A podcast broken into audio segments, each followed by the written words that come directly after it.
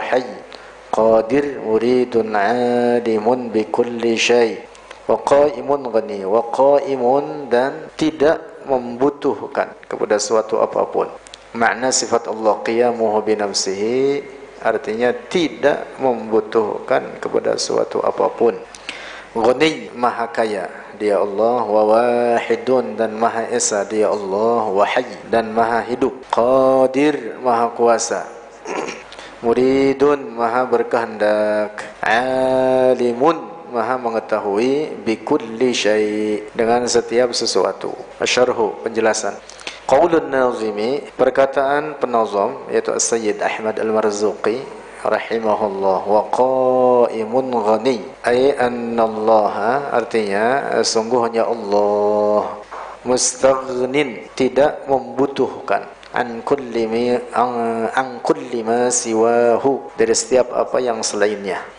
Fala yakh fala yahtaju maka tidak membutuhkan oleh Allah. Ila mukhassisin kepada mukhassis. Mukhassis artinya menghususkan lahu baginya Allah bil wujudi dengan keberadaan. Yang dimaksud bahwa adanya Allah tidak membutuhkan kepada yang mengadakannya. Allah tidak membutuhkan kepada segala apa pun dari ciptaannya. Nah ini makna sifat Allah qiyamuhu binafsihi. Ay adamu ihtiyajihi li tidak membutuhkan oleh Allah kepada selainnya dari segala apa pun dari seluruh makhluknya Lianna al-ihtiyaja ila al-ghairi karena membutuhkan kepada yang lain yunafi qidamahu menafikan akan kidamnya Allah taala. Aqad sabata dan telah sahih wujubu qidamihi oleh wajib kidamnya Allah wa baqaihi dan baqanya Allah subhanahu Allah Subhanahu wa taala yang menciptakan alam ini. Maka Allah tidak membutuhkan kepada suatu apa pun daripada alam ini. Fa innallaha ghaniyyun 'anil 'alamin. Demikian disebutkan dalam Al-Qur'an. Ghaniyyun tidak membutuhkan dia Allah 'anil 'alamin daripada seluruh alam ini. Allah tidak membutuhkan kepada ibadah para hamba. Allah tidak mengambil sedikit pun manfaat daripada kebaikan, ketaatan, kesalehan para hamba. Allah tidak membutuhkan kepada ciptaannya yang di antara ciptaannya adalah tempat, waktu, langit, arash, al-kursi, para malaikat. Allah tidak membutuhkan kepada itu semua. Allah yang menciptakan tempat, Allah tidak membutuhkan kepada tempat. Karena itu akidah kita, akidah ahli sunnati wal jamaah, aqidatu Rasulullah, aqidatu al-firqatin najiyah, akidah kelompok yang selamat, Allahumma wujudun bila makan wala yajri alaihi zaman. Allah ada tanpa tempat dan Allah tidak terikat oleh waktu atau zaman. Tidak dikatakan bertempat di langit atau bersemayam di atas arash Para malaikat Allah tidak boleh dikatakan para pembantu Allah. Hati-hati, tidak boleh dikatakan para malaikat sebagai para pembantu Allah. Karena mengatakan Allah memiliki pembantu menunjukkan bahwa Allah lemah. Nauzubillah. Tidak boleh dikatakan para malaikat sebagai a'wanullah. A'wan itu artinya para pembantu, para penolong. Allah tidak membutuhkan kepada bantuan siapa pun. Allah tidak membutuhkan kepada pertolongan siapa pun. Allah tidak membutuhkan kepada segala apa pun dari ciptaannya ini. Lanjut. Qaulun nazimi perkataan penazam Sayyid Ahmad Al-Marzuqi wa wahidun dalam bait syairnya wa qaimun ghani wa wahidun wa hayy makna wahid ay Artinya yajibu lahu ta'ala wajib bagi Allah ta'ala al-wahdaniyatu oleh sifat wahdaniyah. Ay artinya annahu ta'ala sesungguhnya dia Allah ta'ala laisa dzatan muallafan min ajzain bukan zat yang tersusun dari bagian-bagian. Allah bukan benda. Allah bukan jisim apa itu jisim jisim adalah ma tarakkaba min jauharaini fa aktsara sesuatu yang tersusun dari dua jauhar atau lebih apa itu jauhar? Jauhar itu yaitu asgharu hajmin ma yatanaha fil qillah yaitu sesuatu yang telah mencapai puncak terkecilnya yang tidak dapat lagi terbagi-bagi disebut dengan apa? Al-jauhar. Jauhar ini adalah aslul jismi, asal bagi jisim. Jauhar ini apabila berkumpul menjadi dua, tiga dan seterusnya, maka perkumpulannya disebutlah dengan jisim. Tubuh kita ini secara bahasa disebut apa? Jisim. Mengapa? Karena tubuh kita tersusun dari sekian ribu, sekian puluhan ribu jauhar-jauhar. Allah Subhanahu wa taala zatnya bukan benda yang tersusun daripada bagian-bagian. Bukan jauhar bukan jisim. Pengertian zat Allah artinya haqiqatullah hakikat Allah. Zat Allah apa artinya? Hakikat Allah. Zat Allah bukan maknanya fisik atau benda atau tubuh tapi makna zat Allah artinya apa haqiqatullah. Adapun ketika dikatakan zat manusia, maka yang dimaksud adalah tubuhnya atau fisiknya. Jadi penyebutan kata zat bagi Allah dan bagi manusia memiliki makna yang berbeda. Zatullah artinya apa? Haqiqatullah. Tapi kalau kita sebut zatul insan atau zatu zaid zat bang zaid apa artinya jismuhu tubuhnya fisiknya, raganya. Tapi bagi Allah tidak boleh dikatakan tubuh, tidak boleh dikatakan bagi Allah fisik. Allah bukan benda. Fala yujadu dzatun mislu dzatihi, maka tidak ada suatu zat seperti zat Allah. Wa laysa li ghairihi sifatun ka sifatihi dan tidak ada bagi selain Allah suatu sifat seperti sifatnya Allah. Tidak boleh dikatakan, ingat-ingat ini, tidak boleh dikatakan bahwa sifat-sifat manusia sejalan atau serupa atau sama dengan sifat-sifat Allah. Nauzubillah. Ada sebagian orang mengatakan bahwa manusia memiliki sifat-sifat yang serupa dengan sifat-sifat Allah sehingga manusia diperintah untuk uh, mengoptimalkan sifat-sifat tersebut. Pada sifat-sifat kebaikan, sifat-sifat manusia kata mereka adalah mencontoh sifat-sifat Allah. Nah ini ungkapan tidak benar. Tidak boleh dikatakan bahwa sifat manusia sama dengan sifat Allah.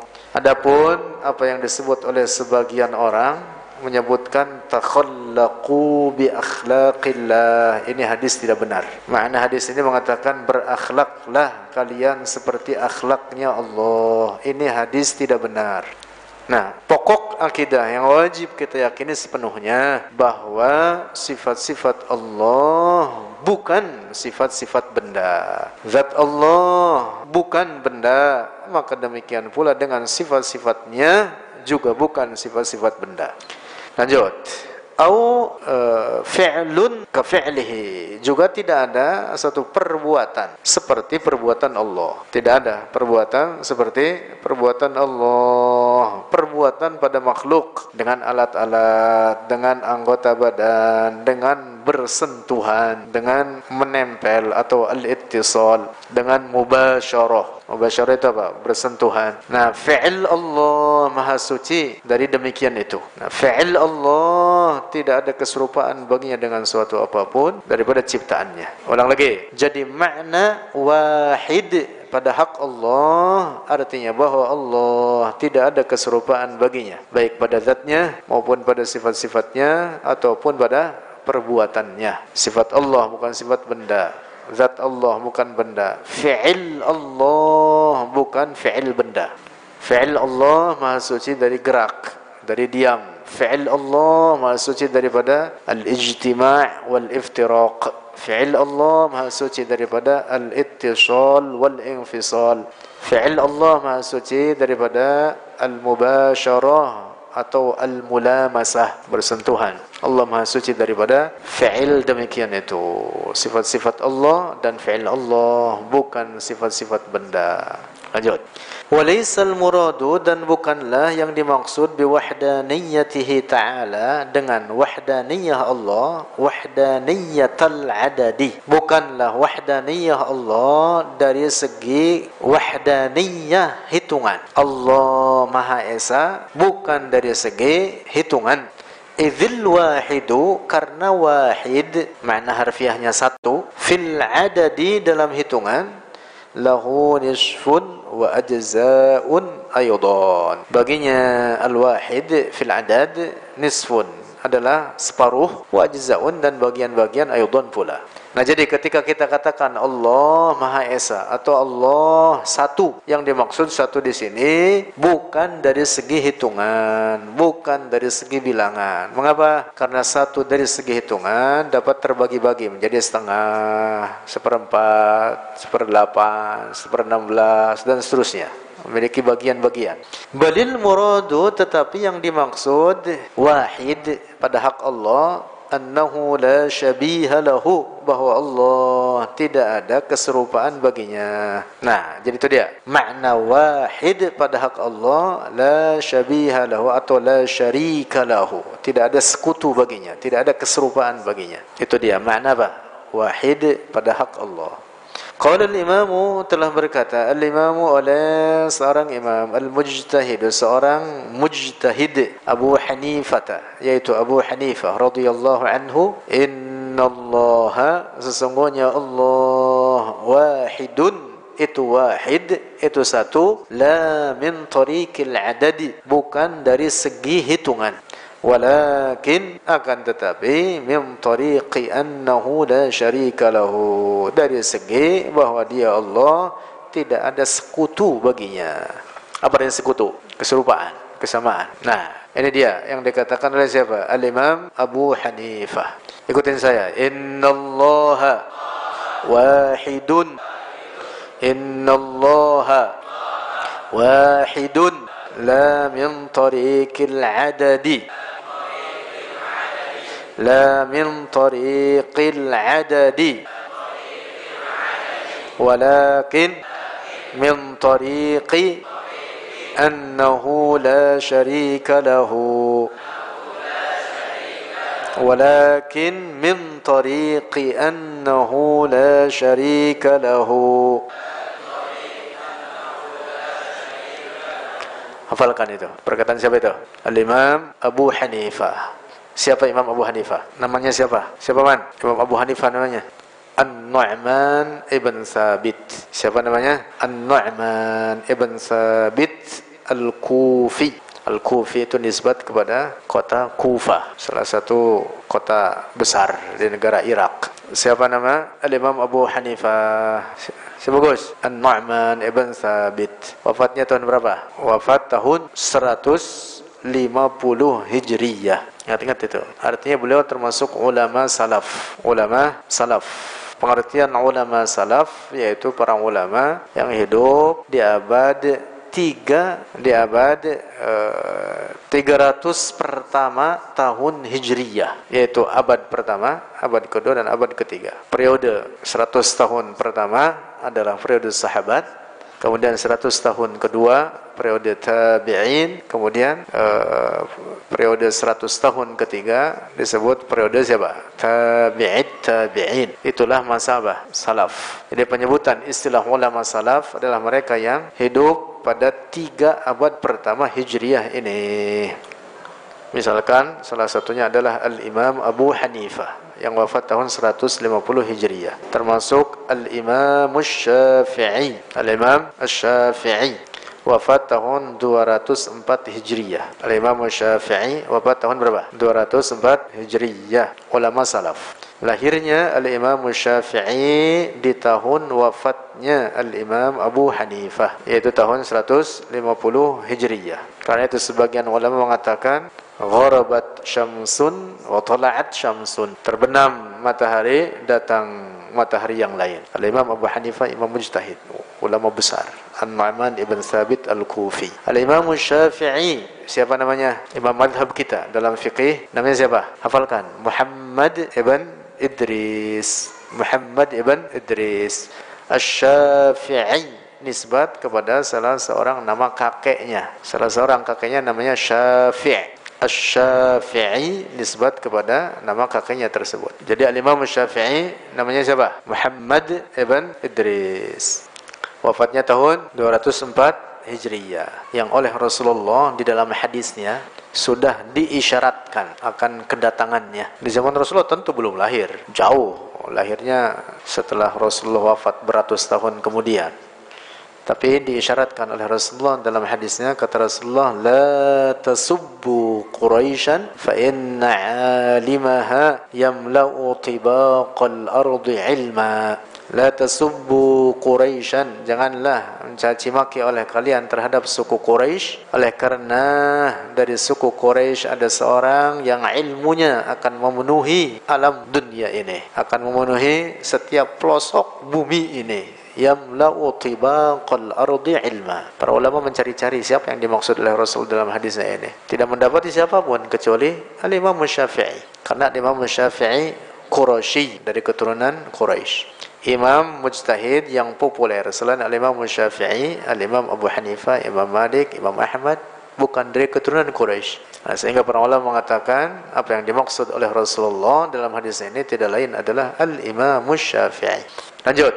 Wa qaulun nazimi dan perkataan penazam As-Sayyid Ahmad Al-Marzuqi wa hayy dalam bait syairnya wa qaimun ghani wa wahidun wa hayy. Ay artinya yajibu lillahi wajib bagi Allah taala aqlan secara akal al-hayatu oleh sifat hayat.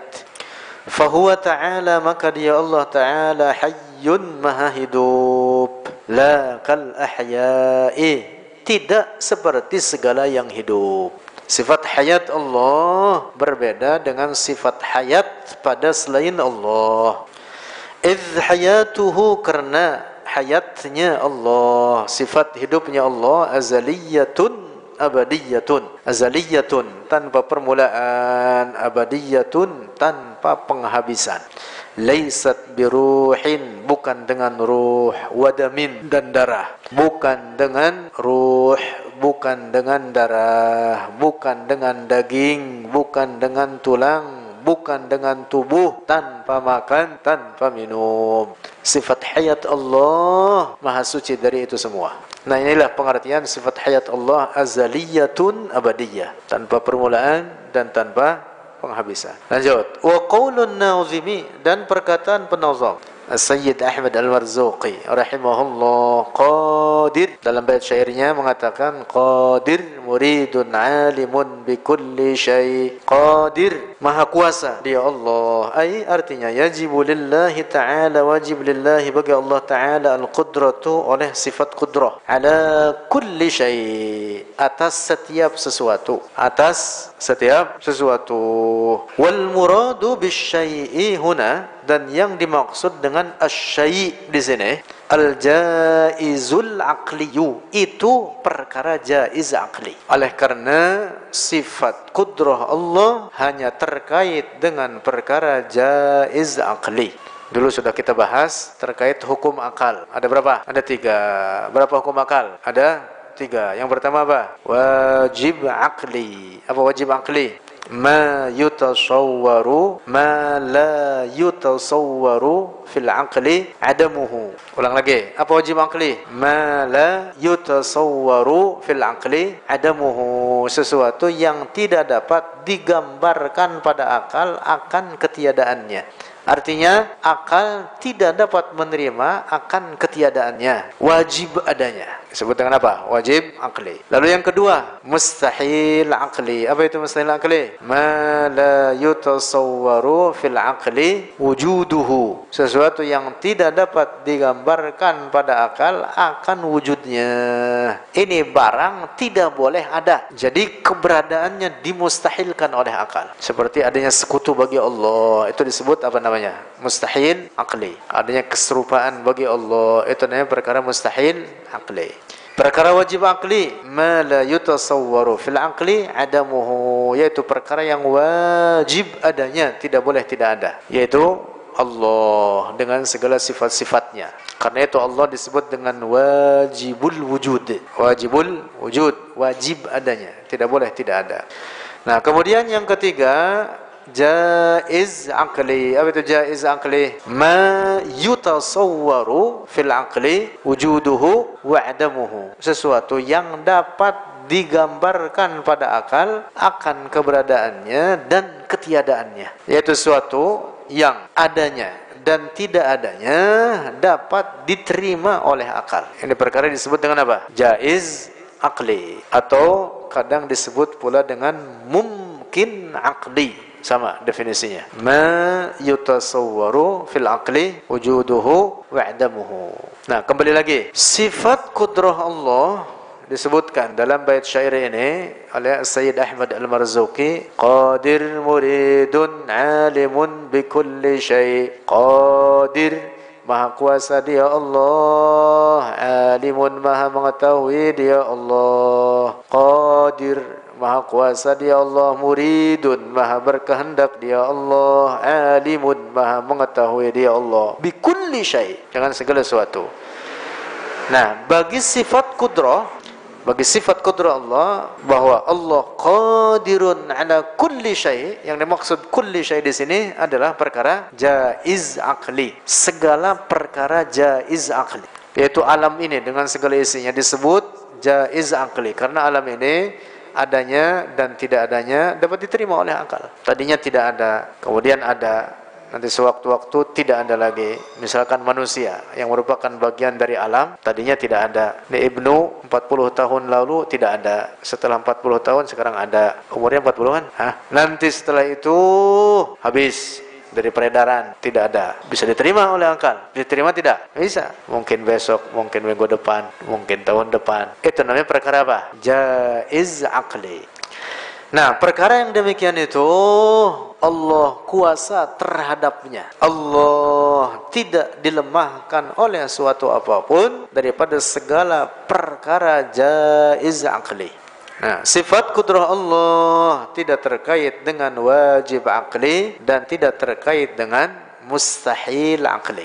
Sudah sering kita bahas ini. Lanjut. Fa kharaja bidzalika maka keluar yang dimaksud terkecuali bidzalika dengan demikian itu jaiz akli al mustahilul aqliyu oleh perkara mustahil akli li'annahu karena sungguhnya dia mustahil akli ghairu qabilin lil wujudi tidak dapat menerima bagi wujud. Perkara mustahil akli itu ghairu qabilin lil wujud tidak dapat menerima keberadaan. Nah maka perkara mustahil akli itu jangan diada-adakan karena barangnya barang yang mustahil bagi keberadaannya. Dan sifat kudrah Allah tidak terkait dengan perkara mustahil semacam ini. Tidak boleh dikatakan bagi Allah apakah Allah kuasa untuk menciptakan Allah-Allah yang lain? Nauzubillah. Itu pertanyaan menyesatkan. Tidak boleh jawab iya tidak boleh jawab tidak. Kalau dijawab iya berarti menetapkan perkara mustahil akli namanya. Paham tidak? Ada yang sekutu bagi Allah itu perkara mustahil akli. Atau kalau dijawab tidak maka berarti menetapkan kelemahan bagi Allah. Bagaimana jawabnya? Katakan kepada dia,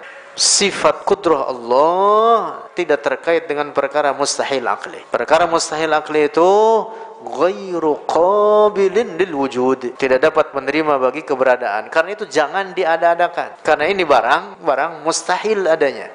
Sifat kudur Allah tidak memberikan pengaruh terhadap perkara mustahil semacam itu.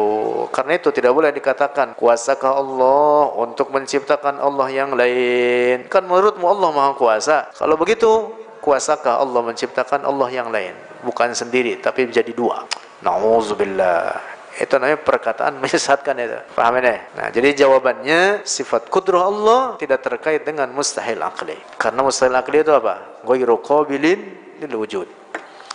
Falam yasluh ay yakuna mahallan li ta'alluqil qudrati.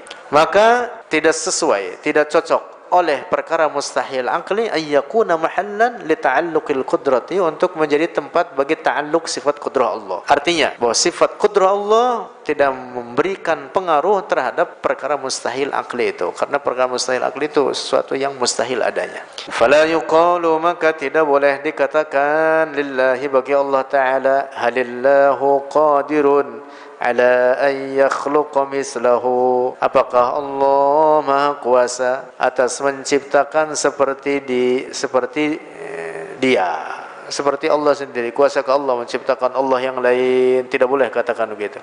Kenapa? Lianna fihi tajwizul muhalil aqliyyi. Karena demikian itu membolehkan terhadap perkara mustahil akli tadi perkara mustahil akli apa? Sesuatu yang tidak boleh keberadaannya secara akal nah sekarang kalau perkara mustahil akli tersebut diadakan maka berarti merubah perkara mustahil akli menjadi jaiz akli. Rusak cara berpikir seperti itu. Dapat dipaham tidak? Nah jadi tidak boleh ditanyakan demikian itu. Jangan ditetapkan keberadaan terhadap perkara mustahil akli oleh karena sifat kudrah Allah tidak terkait dengan perkara mustahil akli lanjut.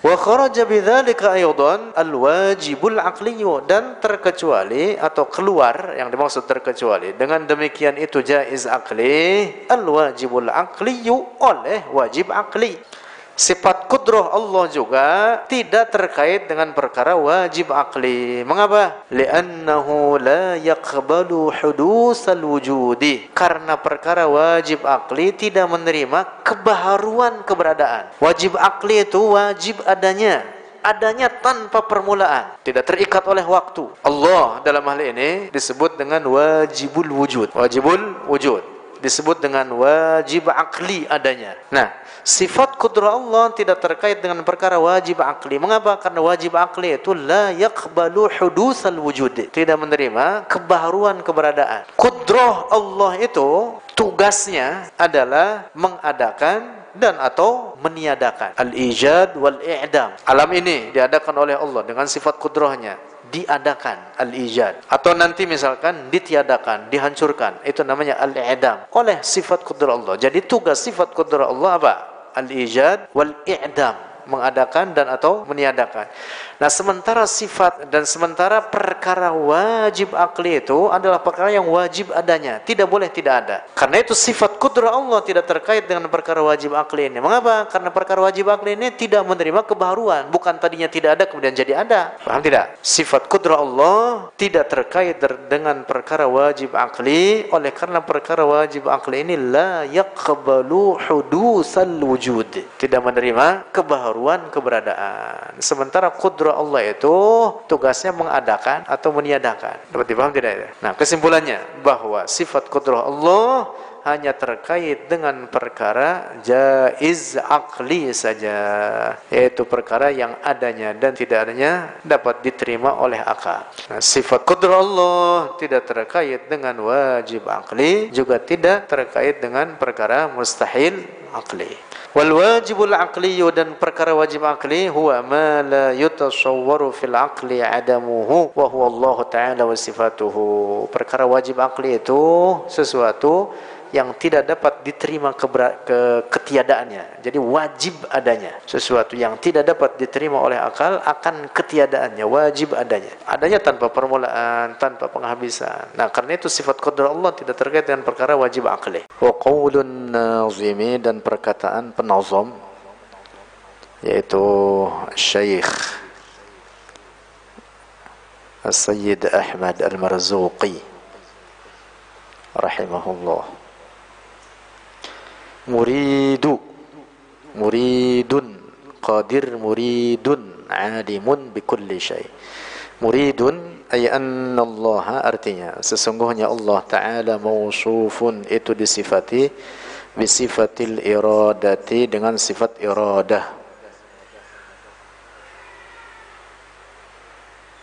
Makna harfiahnya berkehendak. Wahia dan dia al-iradah Al-masyiatu itu al-masyiah. Jadi maknanya sama. Al-irada dengan al-masyiah. Wahia dan dia al-masyiah atau al-irada sifatun itu sifat. azaliyatun yang azali tiada bermula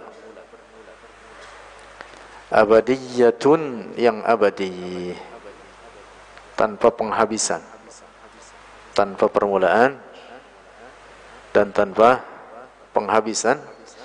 Yukhassisullahu yukhassisu menghususkan Allahu oleh Allah biha dengannya. Al-iradah al-jaiz al-aqliyah akan perkara jaiz aqli. Bil wujudi dengan keberadaan badalal adami pengganti ketiadaan. Wa sifatin duna ukhra wa sifatin dan dengan suatu sifat. Duna ukhra tanpa sifat yang lain. Wa waqtin dan dengan suatu waktu. Duna akhara tanpa waktu yang lain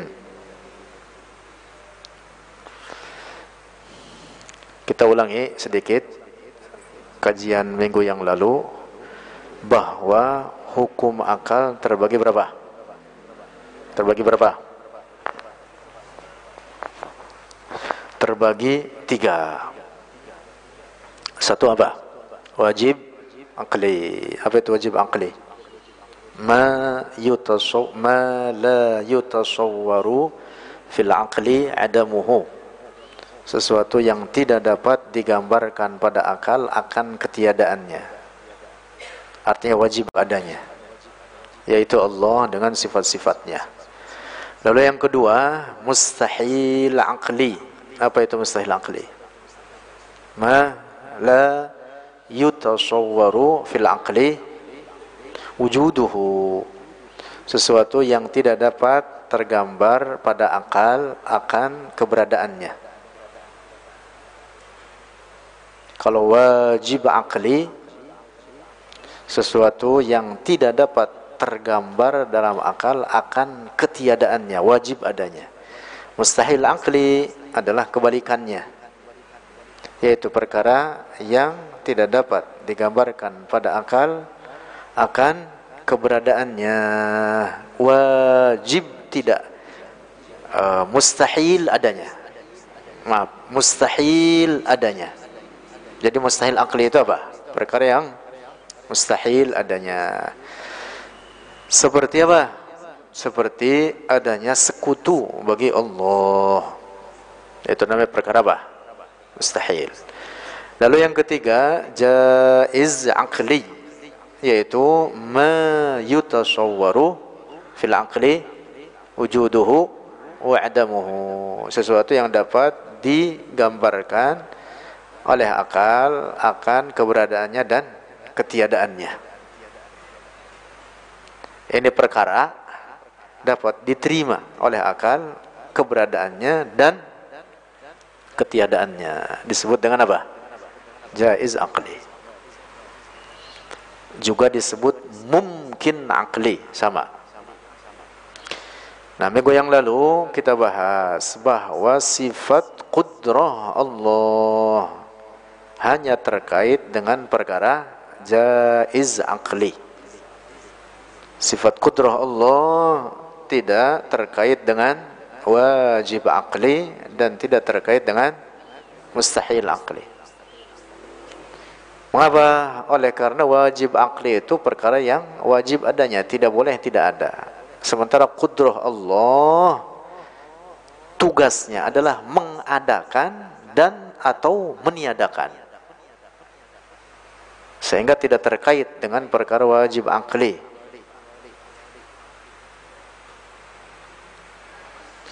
Nah, demikian pula sifat kudrah Allah tidak terkait dengan mustahil akli. Oleh karena mustahil akli itu adalah perkara yang mustahil keberadaannya. Oleh karena itu jangan diada-adakan perkara mustahil ini. Seperti ada pertanyaan orang menyesatkan mengatakan kuasakah Allah untuk menciptakan Allah Allah yang lain sehingga Allah tidak hanya satu tapi berbilang. Nauzubillah. Ini perkara menyesatkan ini. pertanyaan menyesatkan. Tidak boleh dijawab iya, juga tidak jawab dengan tidak. Kalau dijawab iya, maka berarti menetapkan perkara mustahil akli. Padahal adanya sekutu bagi Allah itu namanya perkara mustahil. Kalau dijawab tidak, maka berarti menetapkan kelemahan bagi Allah. Nah, karena itu pertanyaan tersebut tidak dijawab iya, tidak dijawab tidak, tetapi kita katakan kepadanya sifat kudrah Allah tidak terkait, tidak memberikan pengaruh terhadap perkara jaiz, tidak uh, tidak terkait dengan perkara mustahil akli. Tidak terkait dengan apa? Perkara mustahil akli. Sebagaimana tidak terkait dengan perkara wajib akli. Nah, kudra Allah hanya terkait dengan apa? Jaiz akli saja. Sesuatu yang ada dan tidaknya dapat diterima. Seperti alam ini. Alam ini sebut jaiz akli. Manusia bagian daripada jaiz akli.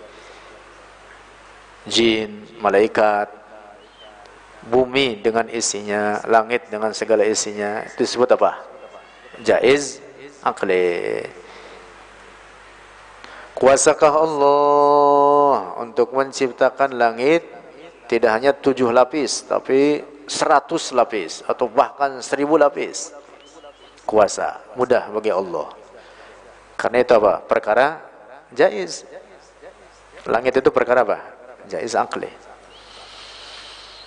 kuasakah Allah menciptakan bumi lebih besar dari yang ada sekarang ini kuasa mudah bagi Allah itu perkara apa jaiz akli.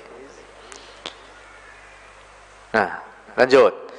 Kemudian sifat iradah. Sifat iradah itu disebut dengan atau ta'alluqnya disebut dengan ta'alluq takhsis. Ta'alluq apa? Takhsis. Kalau sifat kudrah tadi disebutnya terhadap perkara jaiz akli disebut ta'alluq ta'thir. Ta'alluq apa namanya? Taksir. Jadi dengan sifat kudrahnya Allah mengadakan dan atau meniadakan terhadap perkara jaiz akli.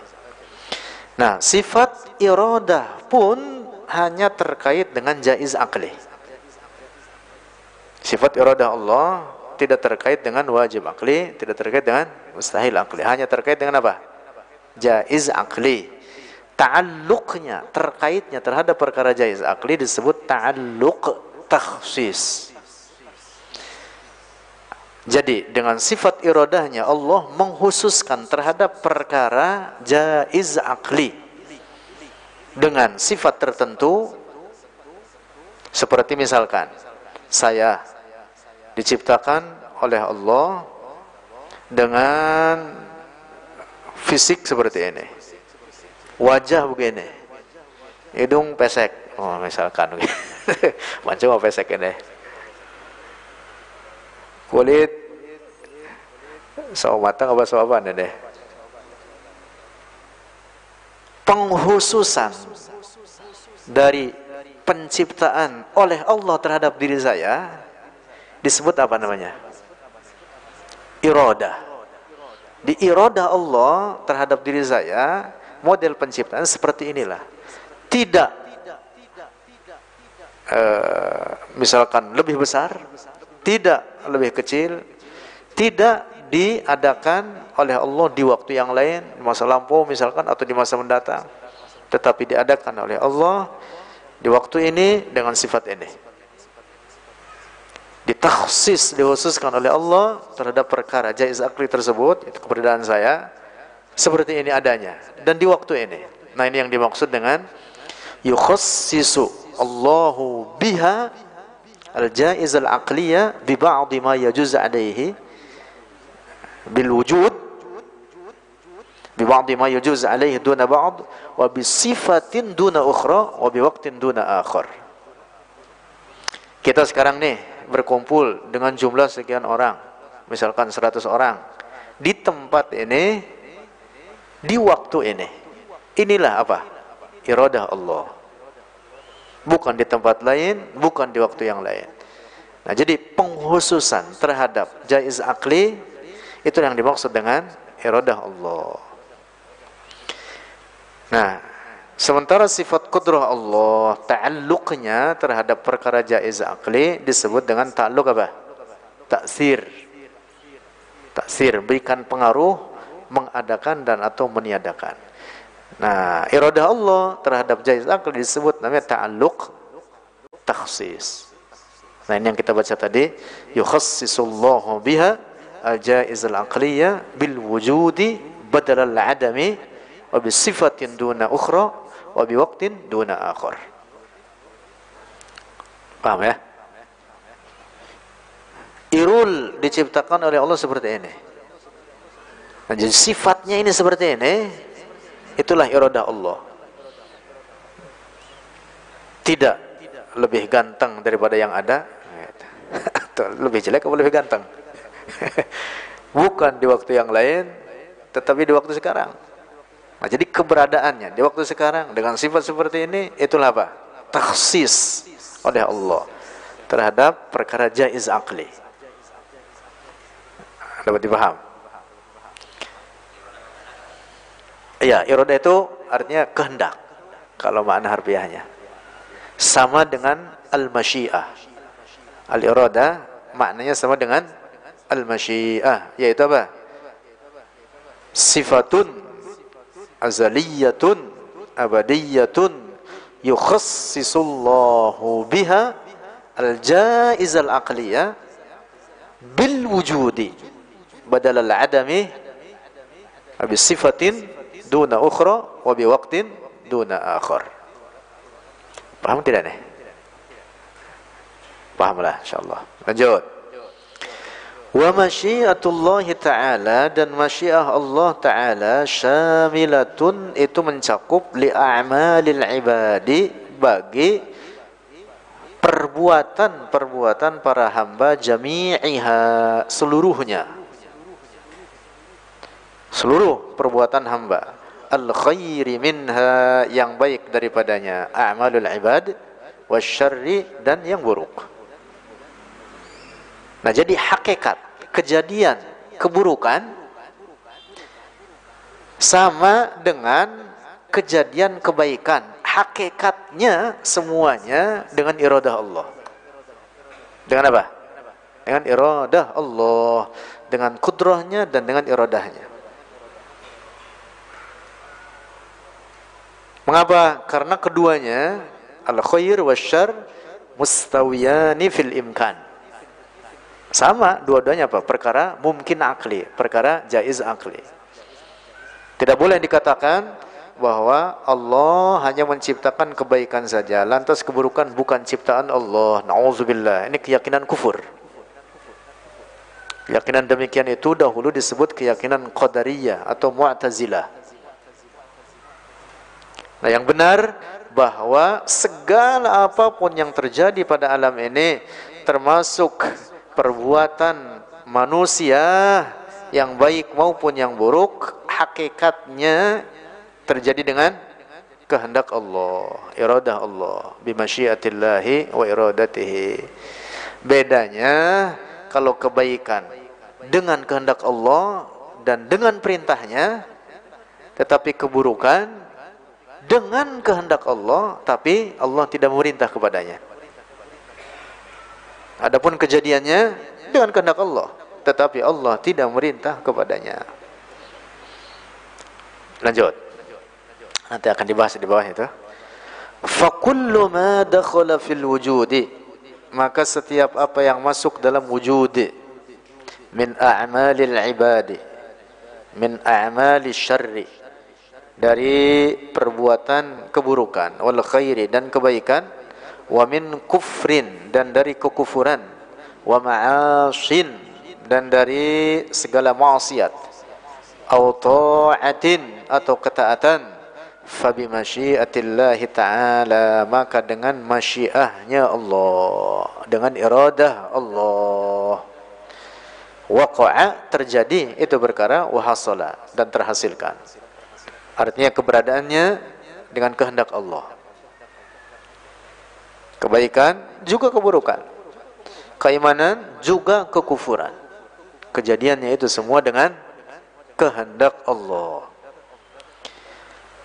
Wahada dan ini kamalun itu kesempurnaan ini perkara bahwa itu terjadi semuanya dengan kehendak Allah kamalun itu kesempurnaan fi haqqillah taala pada hak Allah taala lianna shumul al-qudrati wal masyiati karena ketercakupan oleh sifat kudrah dan oleh masyiahnya laiqun itu sesuai bi jalalillahi taala bagi atau dengan keagungan Allah. Siapa yang menciptakan malaikat? Allah. Siapa yang menciptakan setan? Allah. Siapa yang menciptakan surga? Allah. Siapa yang menciptakan neraka? Allah. Siapa yang menciptakan kebaikan? Allah. Demikian pula keburukan pada hakikatnya adalah ciptaan Allah. Juga dengan kehendaknya. Dengan ciptaan Allah, dengan kudrahnya dan dengan iradahnya.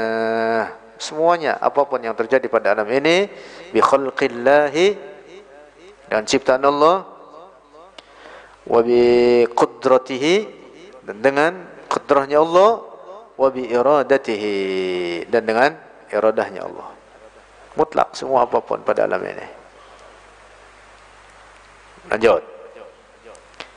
Liannahu karena sungguhnya lau jika ada yaqa'u terjadi fi mulkihi dalam kekuasaan Allah ma la yasha'u oleh sesuatu yang tidak dikehendaki olehnya lakana dzalika dalilal ajzi maka adalah demikian itu menunjukkan kelemahan.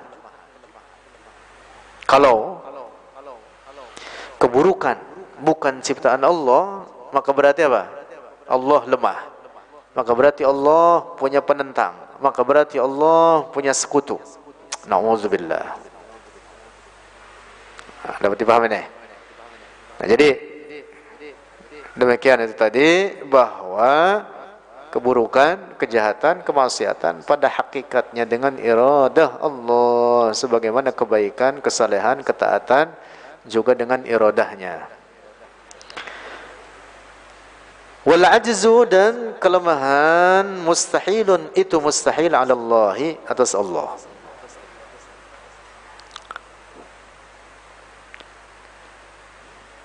Sering saya mencontohkan umpama ini umpama ada seorang maling ditangkap, kita interogasi, mengapa engkau jadi maling? Tiba-tiba itu maling berkata, saya maling karena kehendak Allah. Itu si maling omongannya benar itu. Betul itu dengan kehendak Allah. Dengan kehendak Allah. Berarti itu maling belajar tauhid udah. Udah belajar tauhid belum? udah belajar tauhid. Nah maka yang menginterogasinya juga harus sudah belajar tauhid. Kalau ada mau maling begitu, diapain Pak Guru tuh? Hah? Tinggal gebuk aja. Iya. Begitu kita gebuk, kita katakan kepadanya, pukulan kita pun dengan kehendak Allah. Nah iya, karena hakikat segala apa pun yang terjadi pada alam ini dengan kehendak Allah. Kalau Allah menghendaki bagi dia untuk dia tertangkap, tidak tertangkap. Kata Allah, atau kalau Allah menghendaki dia untuk tidak maling, tidak jadi maling dia.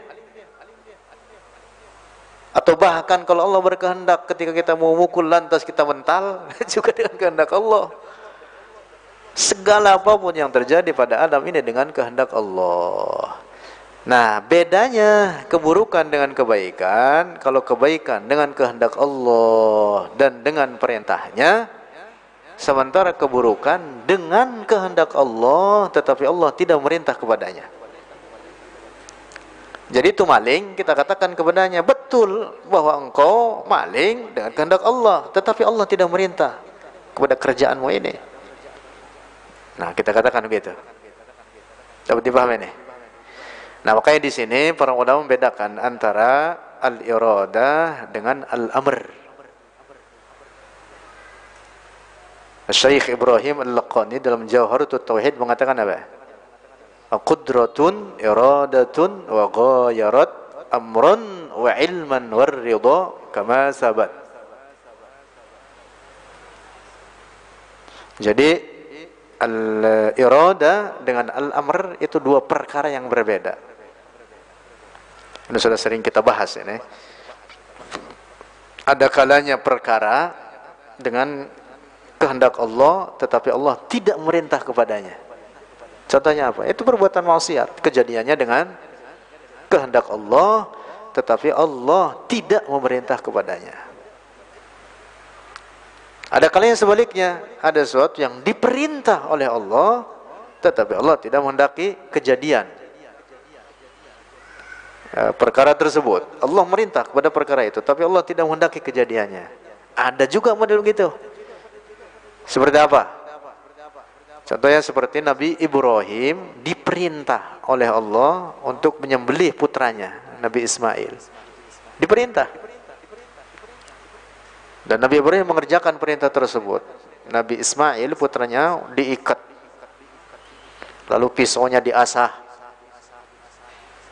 Lalu Nabi Ismail direbahkan. Direbahkan. Dan itu pisau ditempelkan di lehernya, digosokin kagak mumpan-mumpan. Jadi ceritanya sampai situ. Ceritanya itu sampai betul-betul betul digorok betul. Tetapi nggak mempan. Kisahnya itu. Nah, mengapa Allah tidak menghendakinya? Bahwa Allah memerintahnya betul, tapi Allah tidak menghendakinya. Seperti misalkan eh, imannya orang-orang kafir. Imannya orang-orang kafir, Allah memerintah orang-orang kafir untuk beriman. Tetapi Allah tidak menghendaki keimanan mereka. Dapat dipahami nih? Nah, itulah. Maka para ulama kita membedakan antara al-iradah dengan al-amr. Kembali lagi, jadi segala apa pun yang terjadi pada alam ini adalah dengan iradah Allah. Termasuk segala perbuatan hamba dengan ciptaan Allah dengan eh, kuasa Allah dan dengan iradahnya yang baik maupun yang buruk. Yang baik maupun yang buruk. Dalam Al-Quran Allah subhanahu wa ta'ala berfirman Qul a'udzu birabbil falaq min syarri ma khalaq. Qul katakan oleh wahai Muhammad a'udzu birabbil falaq. Aku berlindung dengan Tuhan pencipta subuh. Al falaq artinya subuh yaitu berlindung dengan Allah min dari keburukan yang telah dia ciptakan ayat ini tegas menyebutkan jadi keburukan hakikatnya ciptaan siapa ciptaan Allah Nah, dengan ciptaan Allah juga dengan kehendaknya. Karena kudrah Allah, kuasa Allah itu beriringan dengan irodahnya. Beriringan dengan irodahnya. Jadi kudrah Allah ta'alluqnya terhadap jaiz akli, demikian pula iradah Allah ta'alluqnya terkaitnya dengan jaiz akli. Hanya bedanya kalau kudrah disebutnya ta'alluq taksir, kalau irada disebutnya ta'alluq takhsis. Ada paham? Paham Gus? Eh? Anggut-anggut tapi matanya merem.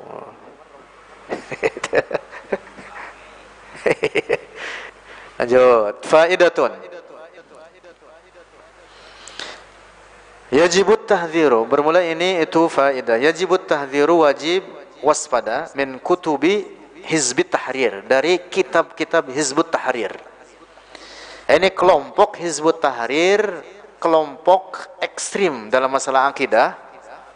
Akan kita baca beberapa ajaran rusak mereka. Persisnya mereka itu mengadopsi atau mengambil faham Mu'tazilah atau Qadariyah dahulu. Lihat. Wabil khusus dan dengan khusus atau dengan khususnya hadzal kitabu ini kitab al-musamma yang dinamakan Asy-Syakhsiyah Al-Islamiyah. Ini karya pelopor Hizbut Tahrir sendiri yang merintis Hizbut Tahrir ini orang Palestina namanya Taqiyuddin An-Nabhani. Namanya siapa? Taqiyuddin An-Nabhani menulis beberapa karya, salah satu karyanya berjudul ini dia, Asy-Syakhsiyah Al-Islamiyah. Fa inna muallifahu, maka sungguhnya penyusunnya, penyusun ini buku Asy-Syakhsiyah yang dinamakan dengan Asy-Syakhsiyah Al-Islamiyah wa huwal mad'u. Dan ialah orang yang disebut dengan Taqiyuddin An-Nabhani.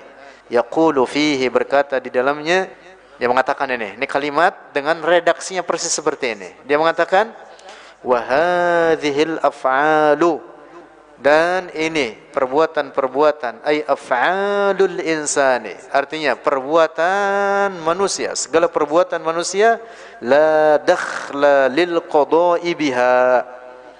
Tidak ada kaitannya dengan qada Allah dengannya. Nauzubillah. Dia mengatakan bahwa perbuatan manusia tidak ditetapkan oleh Allah. Bukan diciptakan oleh Allah, tidak dikehendaki oleh Allah, sehingga kejadiannya adalah ciptaan manusia sendiri. Nauzubillah. Nauzubillah. Ini keyakinan kufur. Nauzubillah. Lanjut. Dia mengatakan apa? Li'annal insana karena sungguhnya manusia huwa alladhi qama biha bi iradatihi wa ikhtiyarihi. Lianna al-insana karena sungguhnya manusia. Ini kata An-Nabhani. Huwa dia manusia alladzi qama biha yang mengerjakan dengan itu perbuatannya bi iradatihi dengan kehendaknya manusia itu sendiri wakhtiyarihi dan dengan ikhtiar manusia itu sendiri. Jadi kata dia, perbuatan manusia bukan ciptaan Allah. Nauzubillah. Menyalahi Al-Qur'an, menyalahi hadis-hadis Rasulullah. Al-Qur'an menetapkan perbuatan manusia itu ciptaan Allah. Allah berfirman, "Wallahu khalaqakum wa ma ta'malun." Allah yang menciptakan kalian dan segala apa yang kalian perbuat. Ini perbuatan kita ciptaan siapa? Ciptaan Allah. Tubuh kita ciptaan Allah, maka sifat tubuh kita termasuk perbuatan tubuh kita juga ciptaan Allah. Anda paham ini? Al-Quran menegaskan itu. Nah sementara An-Nabhani, ini pelopor Hizbut Tahrir, dalam bukunya tadi itu, yang berjudul Asyakhsiyah Al-Islamiyah, dia mengatakan bahwa manusia itu dengan segala perbuatannya bukan ciptaan Allah. Perbuatan manusia, ciptaan manusia sendiri. Nauzubillah. Lanjut. Dia mengatakan, wa ala hadha, dan di atas demikian itu, fa innal af'al al-ikhtiyariyata, maka sungguhnya perbuatan ikhtiyariyah la tadkhulu tahta al-qada'i syar'i tidak masuk di bawah qada Allah. Artinya dia menetapkan An-Nabhani ini bahwa perbuatan ikhtiar manusia bukan ciptaan Allah, tidak dikehendaki oleh Allah. Perbuatan manusia itu ada dua. Satu, perbuatan tubuh manusia ada dua. Satu disebut af'al idtirariyah. Idtirariyah itu perbuatan yang terjadi tanpa ikhtiar dari manusia. Seperti apa? Detak jantung, peredaran darah dalam tubuh. Itu namanya af'al idtirariyah. Yang kedua disebut disebut af'al ikhtiyariyah. Af'al ikhtiyariyah yaitu perbuatan pada tubuh manusia yang terjadi dengan apa? Ikhtiar manusia itu sendiri. Seperti misalkan menulis, makan, minum, berjalan. Itu namanya apa? Af'al ikhtiyariyah. An-Nabhani mengatakan bahwa af'al ikhtiyariyah manusia bukan ciptaan Allah, tapi ciptaan manusia sendiri. Nauzubillah. Nauzubillah. Keyakinan demikian ini lebih buruk daripada keyakinan orang-orang orang Nasrani. Lebih buruk daripada keyakinan orang-orang Yahudi dan orang-orang Majusi. Orang Nasrani menuhankan tiga. Menuhankan apa? Tiga. Yang oleh mereka disebut dengan uh, Trinitas. Sementara orang-orang yang berfaham Mu'tazilah atau Qadariyah seperti yang diyakini oleh An-Nabhani ini, dia menjadikan setiap orang adalah pencipta bagi perbuatannya sehingga ada sekian banyak orang yang menjadi sekutu bagi Allah. Nauzubillah. Tidak hanya tiga, tapi ribuan bahkan jutaan orang oleh dia dijadikan sekutu bagi Allah. Dengan mengatakan bahwa perbuatan manusia sebagai ciptaan manusia itu sendiri bukan ciptaan Allah. Nauzubillah. keyakinan kufur dapat dipahami nih? Nah, bagus udah bubar ini Hizbut Tahrir. Tapi mungkin doktrin ajarannya masih berkembang di kalangan mereka atau oleh mereka diajarkan kepada orang-orang awam. Nah maka waspadai karena itu keyakinan rusak dan itu dahulu sebenarnya sudah ada. Disebut dengan keyakinan apa? Qadariyah yaitu kelompok yang ingkar terhadap qadar Allah. Mereka mengatakan apa yang terjadi pada alam ini bukan dengan qadar Allah bukan dengan kehendaknya bukan dengan ciptaannya bukan dengan ketentuan darinya Nauzubillah. Nah, keyakinan yang benar yang wajib kita yakini bahwa segala sesuatu yang terjadi pada alam ini adalah dengan kehendak Allah dan dengan ciptaannya. Karena itulah wajib kita beriman bahwa Allah memiliki sifat iradah. Nah, inilah yang dimaksud oleh Syekh Sayyid Ahmad Al-Marzuqi dengan bait syairnya wa qudratun iradatun wa qaimun ghani wa wahidun wa hayy qadir muridun alimun bi bikulli syai. Qadir, muridun, alimun bikulli syai. Faidatun bermula ini itu faidah. Yajibut tahdhiru wajib oleh muwaspadai min kutubi hizbit tahriri dari kitab-kitab Hizbut Tahrir. Kelompok ini di Indonesia sudah dibubarkan. Di beberapa negara juga dibubarkan. Ini gerakan transnasional antar negara. Gerakan Hizbut Tahrir ini diimpor dari Palestina, dirintis oleh orang yang bernama Taqiyuddin An-Nabhani. Di tulisan-tulisannya atau di karya-karyanya dituliskan beberapa akidah yang menyimpang dalam masalah pokok dari akidah ahli sunnah wal jamaah. Wabil khusus, lanjut. Wabil khusus dan dengan khusus hadal kitabu ini kitab al musamma yang dinamakan asy-syakhsiyah al-islamiyah. Ini karya siapa? pelopor Hizbut Tahrir. Fa inna muallifahu maka sesungguhnya penyusunnya. Penyusun itu kitab wahwa dan dia muallif al-mad'u yang disebut atau yang dinamakan Taqiyuddin An-Nabhani. Yaqulu fihi berkata oleh ia al-mad'u Taqiyuddin An-Nabhani. Fihi di dalamnya itu kitab yang bernama Asy-Syakhsiyah Al-Islamiyah. Wa hadhihi al-af'alu dan ini perbuatan-perbuatan. Ay af'alul insani artinya perbuatan manusia. La dakhla lil qada'i biha. Tidak ada masukan. Yang dimaksud tidak ada ikatan. Kata dia lil qada'i bagi qada biha dengannya af'al. Yang dimaksud oleh Taqiyuddin An-Nabhani ini bahwa perbuatan manusia bukan ciptaan Allah tapi ciptaan manusia sendiri. Nauzubillah.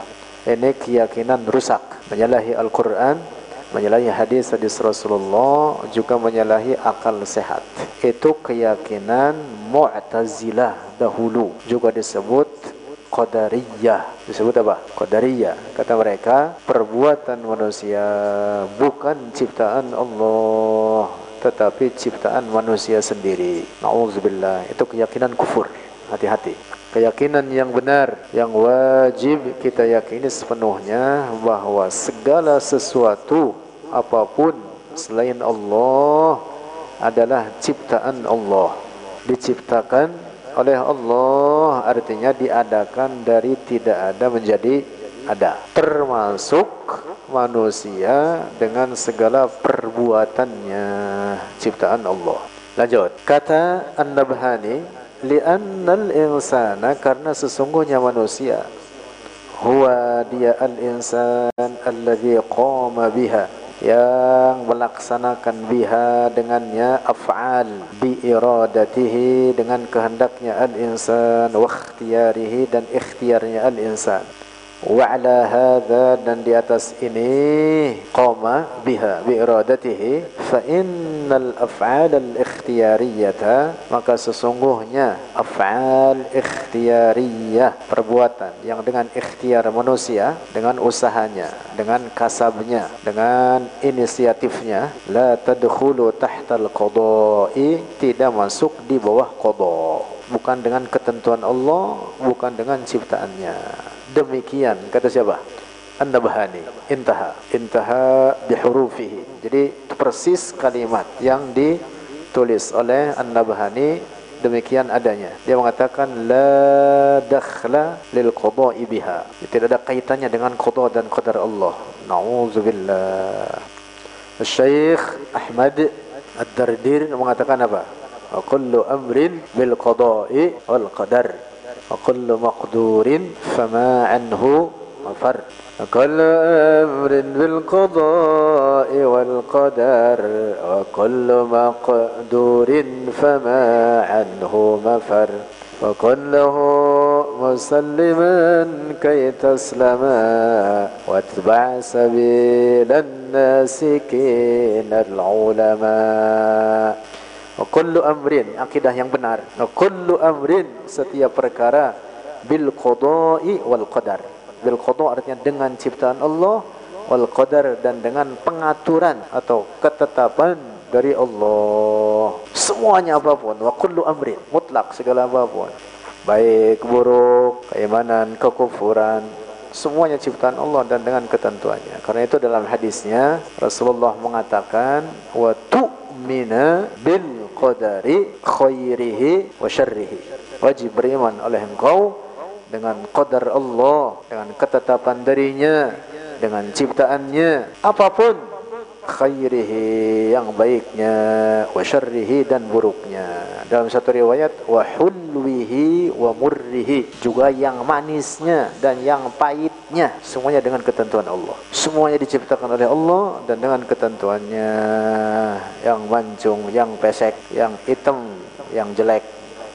semuanya dengan ketentuan Allah yang cakep, yang bagus, semuanya dengan ketentuan Allah. Masya Allah. Nah, jadi waspadai faham An-Nabhani ini oleh karena buku-bukunya diterjemahkan dan diterbitkan di Indonesia diterbitkan. Nauzubillah. Tertulis dalamnya keyakinan Mu'tazilah atau Qadariyah. Lanjut. Wa dzakara nahwa dzalika wa dzakara dan telah menyebutkan oleh An-Nabhani nahwa dzalika akan seumpama demikian itu itu tadi mengatakan bahwa perbuatan manusia ciptaan manusia sendiri bukan ciptaan Allah fi kitabihi dalam kitabnya An-Nabhani al-musamma yang bernama atau yang dinamakan Nizamul Hukmi fil Islam Nauzubillah. Jadi disebutkan oleh dia keyakinan rusaknya itu tidak hanya dalam satu karyanya tapi dalam beberapa karyanya dan itu kemudian diyakini oleh para pengikutnya. Orang-orang Hizbut Tahrir berkeyakinan demikian itu. Lanjut. Kalamu hadzal rajuli. Perkataan ini orang itu An-Nabhani mukhalifun lil Qur'ani. Itu menyalahi bagi Al-Qur'an. Walil hadits sahihi. Dan bagi hadis sahih. Wali syarihil aqli. Dan bagi ketegasan akal. Yang dimaksud menyalahi logika. Tidak diterima oleh akal sehat Ammal Qur'anu adapun Al-Qur'an faqad qala Allah Ta'ala maka telah berfirman Allah Ta'ala wa khalaqa kulla syai'in faqaddarahu taqdira wa khalaqa tambah wa depannya wa khalaqa kulla syai dan dia Allah telah menciptakan kulla syai akan setiap sesuatu. Nah, lihat dalam ayat ini diungkapkan dengan kata apa? Kulla syai. Kulla syai. Kalimat ini sighah tufidul umum. Redaksi yang berikan makna menyeluruh. Disebut kulla syai artinya mutlak apa pun segala sesuatu selain Allah adalah ciptaan Allah wa khalaqa kulla syai faqaddarahu maka menetapkan atau mengatur oleh Allah hu akan kulla syai taqdira akan ketetapan-ketetapan atau akan ketentuan jadi dalam ayat ini disebutkan dua uh, term sekaligus yaitu al-qada dan al-qadar dua makna sekaligus sebutkan dalam ayat ini sekaligus yaitu al-qada dan al-qadar. Al-qada itu apa? Al-khalq, penciptaan. Yang dimaksud bahwa segala apa pun adalah ciptaan Allah. Lalu al-qadar maknanya at-tadbir, pengaturan. Nah, jadi bukan hanya qadar saja, tapi juga qada yang wajib diimani. Seperti yang disebutkan dalam ayat ini, wa khalaqa kulla syai faqaddarahu taqdira. Di ayat ini tercakup dalamnya apa? Al-qada dan al-qadar. Karena ada sebagian orang mengatakan dalam Al-Qur'an tidak ada penyebutan qada. Yang ada hanya qadar saja. Sehingga yang wajib diimani qadar saja. Sehingga qada tidak. Nauzubillah ini orang nggak paham. Dalam Al-Quran ada ini ayatnya. Tapi mengapa tidak disebut dengan qada?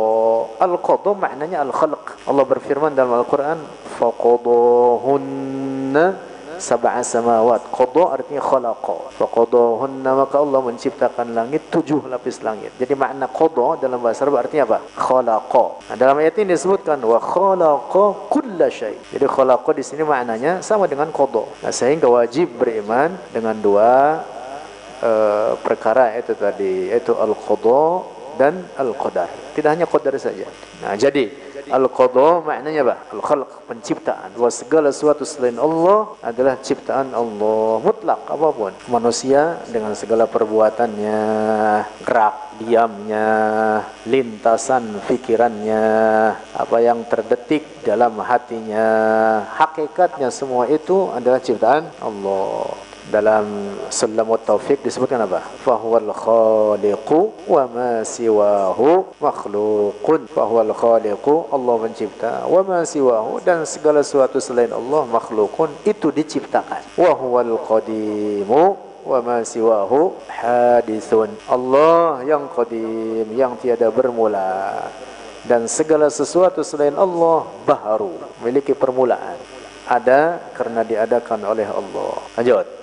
Wa qala ta'ala dan berfirman Allah Ta'ala Wallahu khalaqakum wa ma ta'malun Wallahu dan Allah khalaqakum yang telah menciptakan kalian wa ma ta'malun dan akan apa yang kalian perbuat. Jadi perbuatan kita juga ciptaan Allah. Jadi ayat ini tegas menyebutkan bahwa perbuatan kita ciptaan Allah. Allahu khalaqakum wa ma ta'malun. Kalau tubuh kita ciptaan Allah, maka perbuatan tubuh kita juga ciptaan Allah. Tegas disebutkan dalam ayat ini. Nah, karena itu maka batil keyakinan qadariyah Mu'tazilah dahulu atau Hizbut Tahrir di zaman sekarang yang mengatakan bahwa perbuatan manusia adalah ciptaan manusia sendiri. Nauzubillah.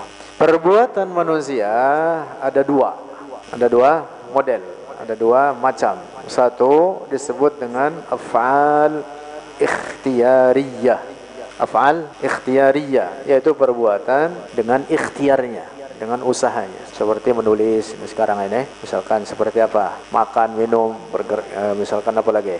Dan seterusnya ada banyak. Af'al ikhtiyariyah yang kedua af'al idtirariyah. Yaitu perbuatan yang tanpa ikhtiar. Terjadi pada tubuh kita tanpa ikhtiar tanpa usaha dari kita. Disebut dengan idtirar af'al idtirariyah. Seperti apa seperti detak jantung, seperti aliran darah dalam tubuh kita. Itu disebut apa? Af'al idtirariyah. Nah, dua model pekerjaan atau perbuatan manusia ini semua itu adalah ciptaan Allah baik af'al ikhtiyariyah atau af'al idtirariyah semuanya ciptaan Allah paham ini manusia itu tidak menciptakan. Manusia itu berbuat.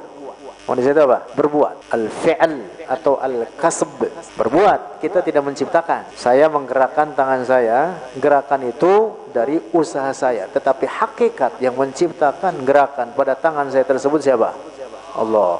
Paham ini? Hati-hati salah paham ini. Karena ini bagian pokok. Kesalahan di dalamnya fatal merusak akidah. Kalau salah, masalah pokok ini rusak akidah. Manusia tidak menciptakan perbuatannya baik perbuatan ikhtiariyah atau iktirariyah. Demikian pula segala sebab tidak menciptakan akibat-akibat. Sebab tidak menciptakan akibat. Ingat-ingat ini. Api tidak menciptakan sifat membakar pada dirinya. Tetapi api dan sifat membakar yang ada pada dirinya hakikatnya ciptaan Allah. Paham karena itu Nabi Ibrahim begitu dilempar ke dalam api difirmankan oleh Allah qulna ya naru kuni bardaw wa salaman ala Ibrahim. Jadilah engkau wahai api difirmankan oleh Allah kepada api tersebut bardan yang dingin. Wasalaman dan keselamatan. Dingin dan menyelamatkan. Sebab ada dingin yang menghancurkan. Dingin beku kayak di freezer. Uh, itu bukan selamatan itu mematikan. Tapi disebut bardan wasalaman oleh karena yang menciptakan api Allah. Demikian pula yang menciptakan sifat panas pada api juga Allah. Bukan ciptaan api itu sendiri. Begitu la tabi'atun wala illatun. Jadi illat tabiat tidak menciptakan akibat-akibat. Sebab tidak menciptakan akibat-akibat.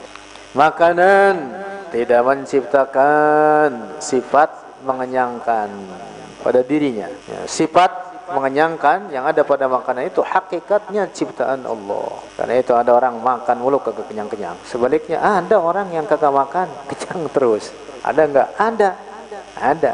Kita sudah lewat membaca kitab Asy-Syiratul Mustaqim. Ada riwayat hadis atau asar diriwayatkan oleh Al-Imam Al-Hakim tentang seorang perempuan yang bernama Rahmah seumur umur nggak pernah makan nggak pernah minum. Seumur umur dari setelah peristiwa beliau bermimpi makan dari sedikit makanan surga.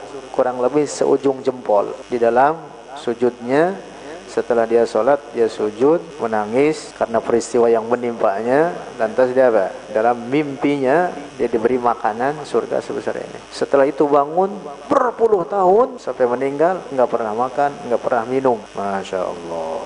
Lanjut. Kembali lagi.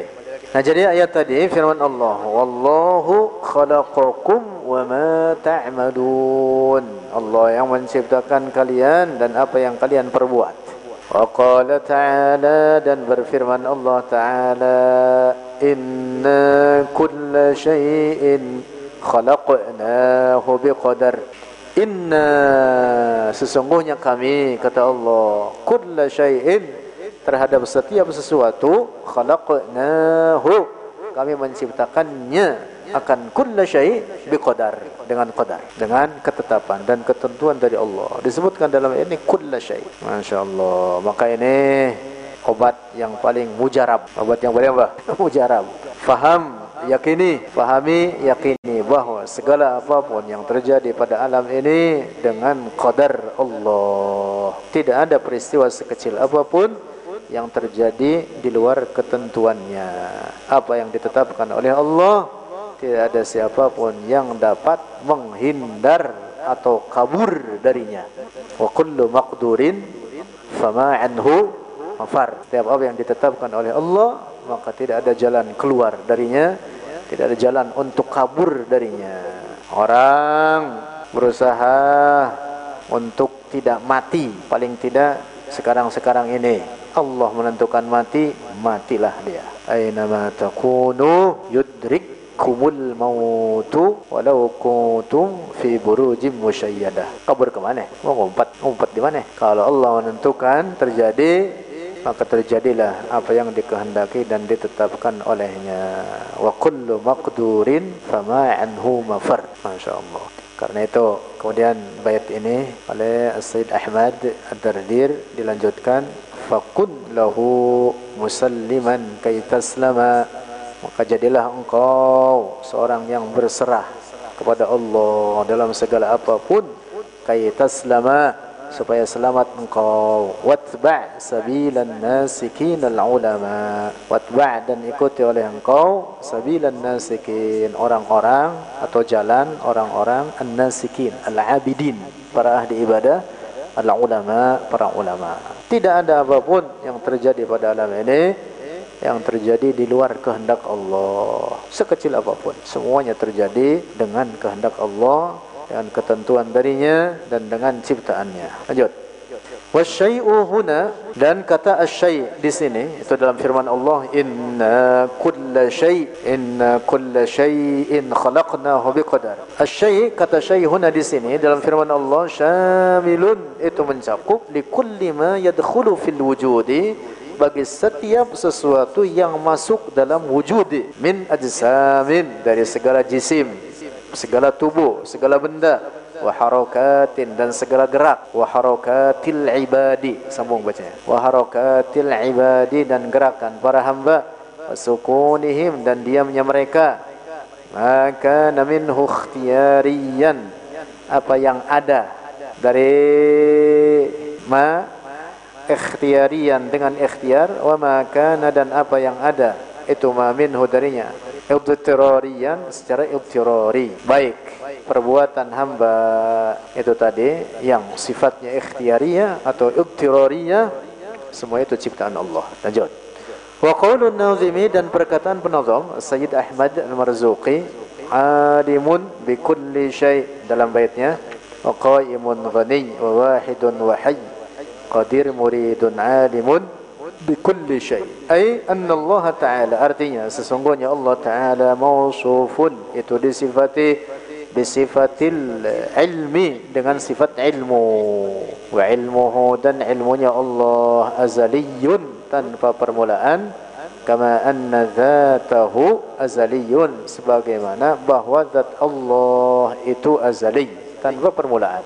Ilmu Allah azali sebagaimana zat Allah azali. Demikian pula dengan seluruh sifat-sifatnya azaliyatun abadiyah. Abarnya azaliyah tanpa permulaan. Abadiyatun tanpa penghabisan. Allah dengan ilmunya mengetahui segala sesuatu apa pun serinci-rincinya tidak ada yang tersembunyi bagi Allah. Allah dengan ilmunya mengetahui segala apa pun dari setiap peristiwa sebelum kejadiannya. Sehingga Allah mengetahui apa pun dari segala peristiwa yang sudah terjadi, yang sedang terjadi, yang akan terjadi. Semua itu diketahui serinci-rincinya.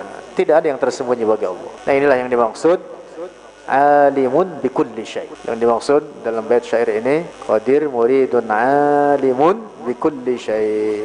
Segala sesuatu diketahui oleh Allah. Apa yang terlintas dalam diri kita, dalam hati kita, dalam fikiran kita, Allah mengetahuinya. Bahkan Allah mengetahui tentang diri kita lebih daripada diri kita sendiri. Kita nggak tahu apa yang akan terjadi dua jam ke depan, esok hari, minggu depan, nggak tahu.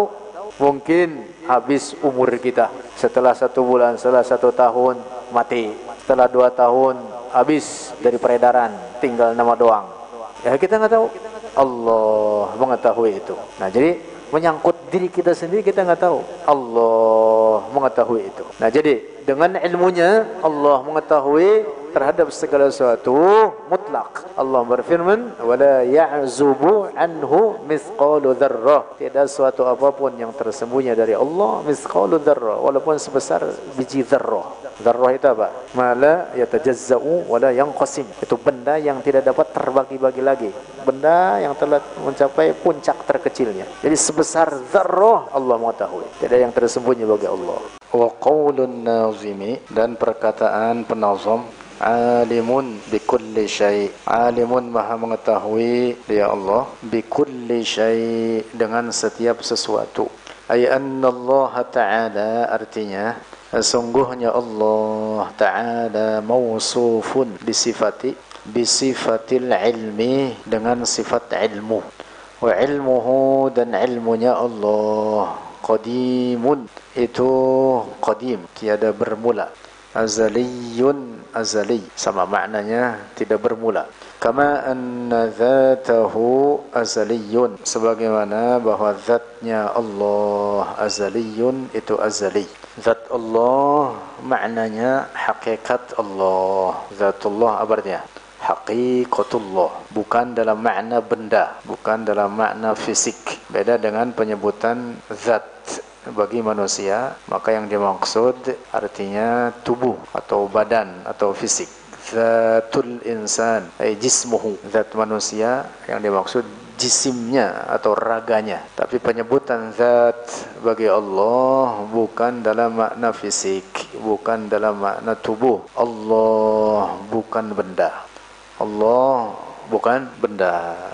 Zat Allah qadim. Artinya tiada bermula tidak terikat oleh waktu dan tanpa penghabisan. Demikian pula dengan sifat-sifat Allah azaliyatun abadiyah. Tanpa permulaan dan tanpa penghabisan. Tidak ada sifat Allah yang baharu. Di antaranya adalah sifat ilmu ini. Sifat ilmu bagi Allah adalah sifatun azaliyatun abadiyah. Sifat yang tiada bermula dan tanpa penghabisan. Falam yazal aliman. Maka senantiasa azali dia Allah aliman maha mengetahui. Bidzatihi dengan zatnya dengan zatnya Allah sendiri. Wa sifatihi dan sifat-sifatnya Allah. Wa ma yuhdithu dan apa yuhdithu yang diadakan oleh Allah min makhluqatihi dari para makhluknya. Artinya sifat ilmu Allah ini mencakup tiga perkara daripada perkara-perkara wajib akli perkara mustahil akli dan perkara jaiz akli dengan ilmunya Allah mengetahui hakikat zatnya dan sifat-sifatnya. Dengan ilmunya Allah mengetahui segala apa pun dari seluruh makhluknya ini. Juga dengan ilmunya Allah mengetahui segala perkara-perkara yang mustahil secara akal adanya. Tidak ada yang tersembunyi bagi Allah suatu apa pun. Nah jadi ta'alluq sifat ilmu Allah adalah terhadap tiga hukum akal ini. Berbeda dengan sifat kudrah dan iradah. Minggu lalu kita bahas sifat kudrah Allah, bahwa Allah Maha Kuasa dan sifat iradah Allah, bahwa Allah Maha Berkehendak. Ta'alluqnya oleh kedua sifat tersebut hanya terhadap perkara jaiz akli saja. Hanya terkait dengan perkara apa? Jaiz akli saja. Ta'alluq sifat kudrah terhadap segala perkara jaiz akli disebut dengan ta'alluq ta'thir. Disebut dengan ta'alluq apa? Ta'thir. Ta'alluq sifat iradah Allah dengan segala perkara jaiz akli disebut dengan ta'alluq takhsis. Ta'alluq apa? Takhsis. Ilmu Allah ta'alluqnya terhadap tiga perkara tersebut al-wajibat, al-mustahilat dan al-jaizat. Disebutnya dengan ta'alluq inkishaf. Disebut dengan ta'alluq apa? Inkishaf. Dengan ilmunya Allah mengetahui segala apa pun tidak ada yang tersembunyi bagi Allah. Dengan ilmunya Allah mengetahui segala perkara atau segala peristiwa sebelum kejadiannya. Tidak ada yang baharu bagi Allah pada sifat ilmunya. Tidak ada suatu peristiwa yang tidak diketahui oleh Allah. Lantas setelah terjadi peristiwa tersebut, barulah Allah mengetahuinya. Tidak ada sedemikian itu. Karena demikian itu menjadikan ilmu Allah baharu. Mustahil demikian. Lanjut. Fala yattasifu maka tidak bersifat oleh Allah bi'ilmin hadisin dengan ilmu yang baru. Liannahu karena sesungguhnya dia Allah. Lau jaza apabila boleh ittisafuhu oleh bersifatnya Allah. Bil hawadisi dengan segala kebaharuan. Lantafa anhul qidamu. Maka benar-benar hilang dari Allah sifat qidam. Kalau Allah pada sifat ilmunya baharu maka berarti Allah tidak bersifat kidam apa kidam tanpa permulaan. La bidayata liwujudihi. Tanpa permulaan. Kalau Allah baharu misalkan pada sifat ilmunya maka berarti Allah tidak bersifat qidam. Li'annahu karena li'anna ma kana mahallan lil hawadisi karena sesuatu kan yang ada dia ma mahallan. Itu tempat lil hawadis sebagai segala perkara yang baru. La buddha mestilah ayyakuna bahwa ada dia ma hadisan itu baru.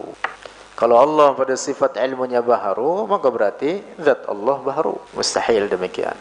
Faidatun. Bermula ini itu faidah qauluhu ta'ala. Firman Allah ta'ala wala nabluwannakum hatta na'lamal mujahidin minkum was-sabirin.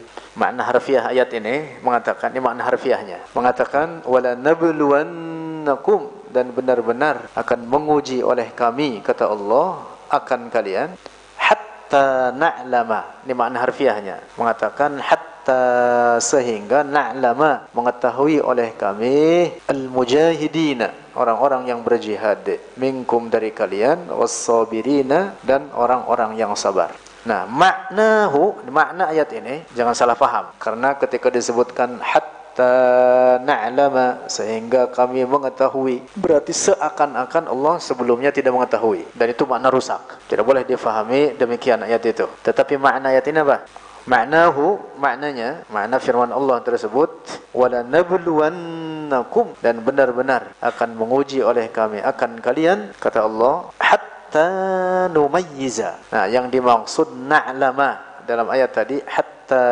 na'lama yang dimaksud apa hatta numayyiza. Apa arti yang dimaksud numayyiza? Ay nuzhira, menampakkan oleh kami lil khalqi bagi para makhluk man yujahidu akan siapa yang berjihad wa yasbiru dan bersabar min ghairihim dari selain mereka. Jadi yang dimaksud ayat ini hatta na'lama al-mujahidin minkum was-sabirin maknanya apa? Sehingga kami tampak menyatakan bagi para makhluk ini siapa di antara mereka yang berjihad dan bersabar. Paham tidak ini? Bukan artinya hatta na'lama supaya kami mengetahui lalu difahami bahwa Allah sebelumnya tidak mengetahui. Nauzubillah. Itu makna rusak gitu. Jadi apa maknanya tadi? Hatta numayyiza. Sehingga kami numayyiza. Kami membedakan. Yang dimaksud kami tampilkan atau tampakkan kata Allah hatta nuzhira lil khalqi man yujahidu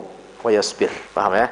Walaisal maqsudu dan bukanlah yang dimaksud bihadhil ayati dengan ini ayat tajaddudul ilmi tajaddudal ilmi okay, fathah khabar laisa Walaisal maqsudu dan bukanlah yang dimaksud bihadhil ayati dengan ini ayat tajaddudal ilmi itu berbaharunya ilmu lillahi bagi Allah taala. Bukan itu maknanya. Nah, dapat dipahami nih. Ya, jadi kesimpulannya bahwa ilmu Allah azaliyun abadi. Allah mengetahui segala apa pun dengan sifat ilmunya yang sifat tersebut tanpa permulaan dan tanpa penghabisan. Segala peristiwa yang sudah terjadi, segala peristiwa yang sedang terjadi saat ini dan setiap peristiwa yang nanti akan terjadi di masa mendatang serinci-rincinya semua itu diketahui oleh Allah. Tidak ada yang tersembunyi baginya wala ya'zubu anhu mithqalu dzarratin fis sama wala fil ard tidak ada yang tersembunyi bagi Allah sebesar zarrah sekalipun apa yang ada di langit dan segala apa yang ada di bumi. Apa itu zarrah? Zarrah apa zarrah? Eh?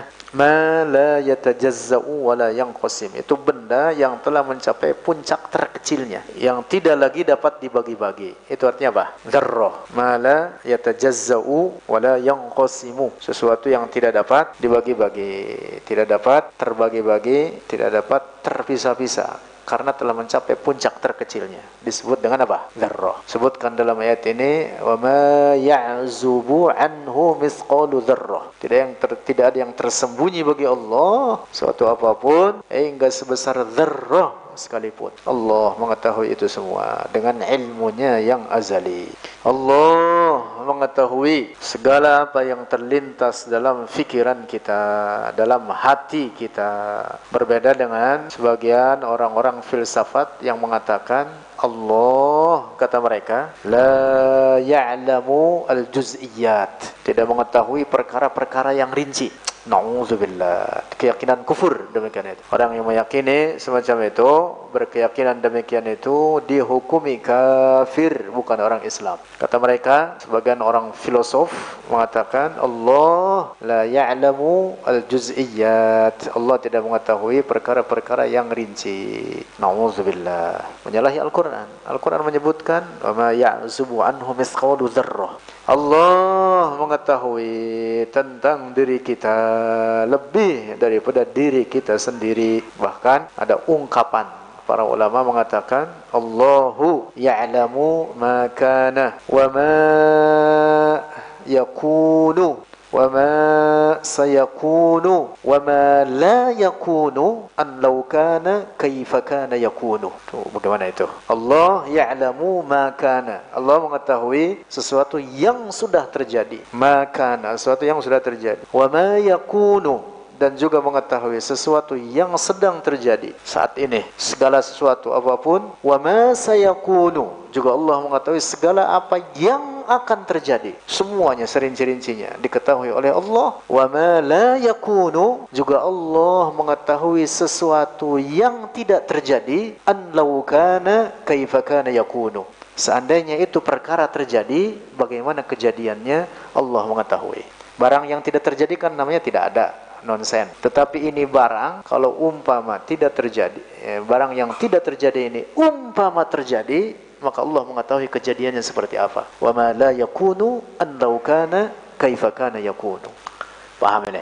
Nah, ungkapan sebagian ulama demikian itu untuk menetapkan syumuliyati ilmillah. Jadi ketercakupan ilmu Allah terhadap segala apa pun tidak ada yang tersembunyi baginya. Nah, jadi sifat ilmu Allah ini ta'alluqnya terhadap al-wajibat, al-mustahilat dan al-jaizat.